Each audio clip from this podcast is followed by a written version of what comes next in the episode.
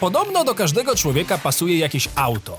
Inna teoria mówi, że to często auto określa człowieka i to on pasuje do maszyny. Może i coś w tym jest, bo niektóre marki aut mają swoją specyficzną grupę docelową, która wyróżnia się czymś charakterystycznym. Wiecie, BMK ma swoich wielbicieli w nieco oszemranych kręgach, a Passatem jeżdżą nosacze, bo tak nas uczą memy. Ale jest pewne auto, które wyróżnia się na tle tych typowych automobilnych subkultur. Mowa oczywiście o sabiarzach.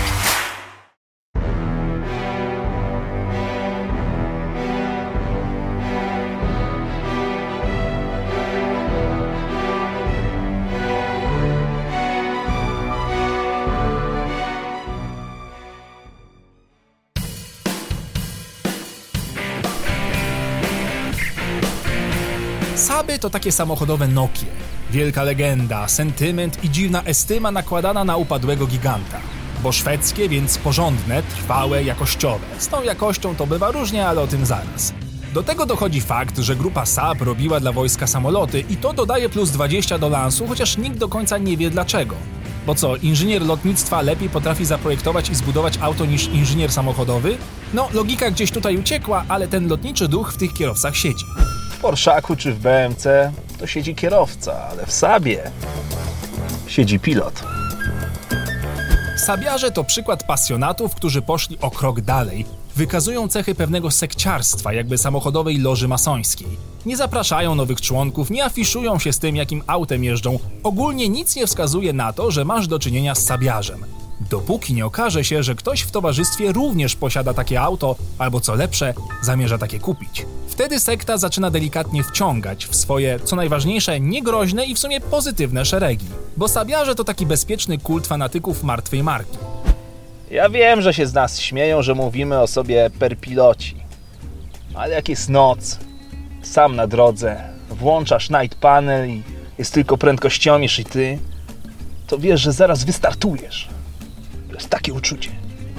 Stary, jak widzisz kogoś w sobie, to wiesz, że to albo artysta, albo architekt, bo to auto jest po prostu takie nietuzinkowe, tak jak my.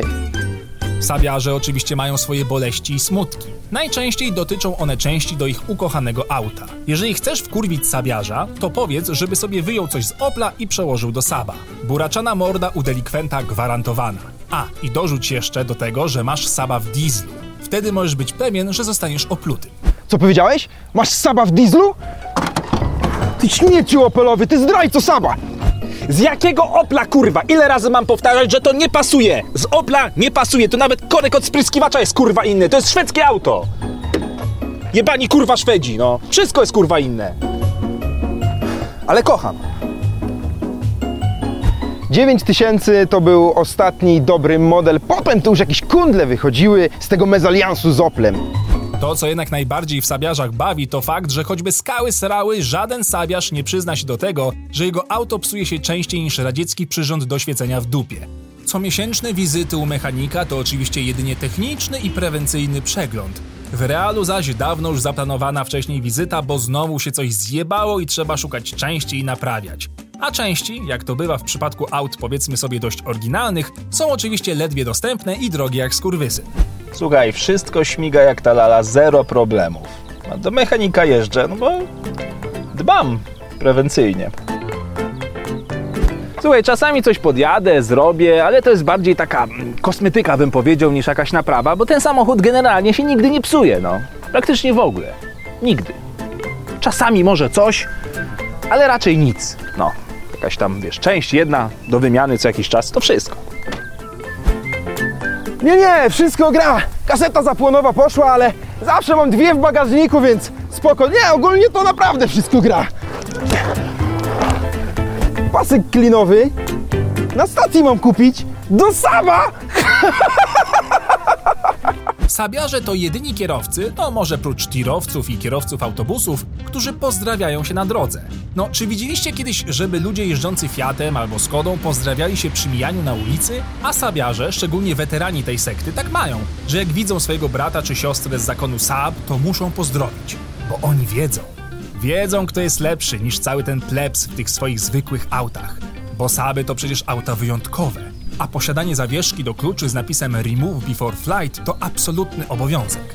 Wiesz, Iron Man ma Jarvisa, ale my mamy Sida. Dobra, dobra, mów sobie co chcesz, ale kto miał pierwsze turbo w aucie seryjnie produkowanym? No kto? Idę dzisiaj do kolegi i ten kolega kupił sobie ostatnio Saba, pierwszego w życiu. Ja już wiem, o czym będziemy dzisiaj gadać całą noc. Oj, wiem. Och.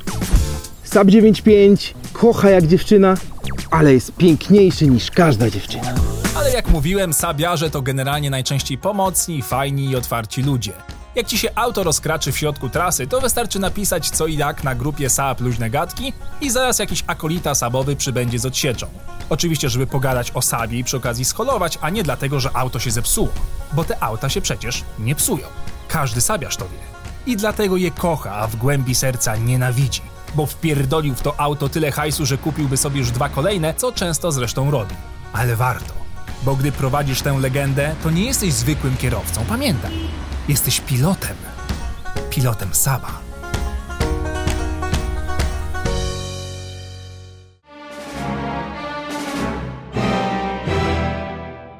Cześć Pawełku. Słuchaj, przyjechałbyś po mnie.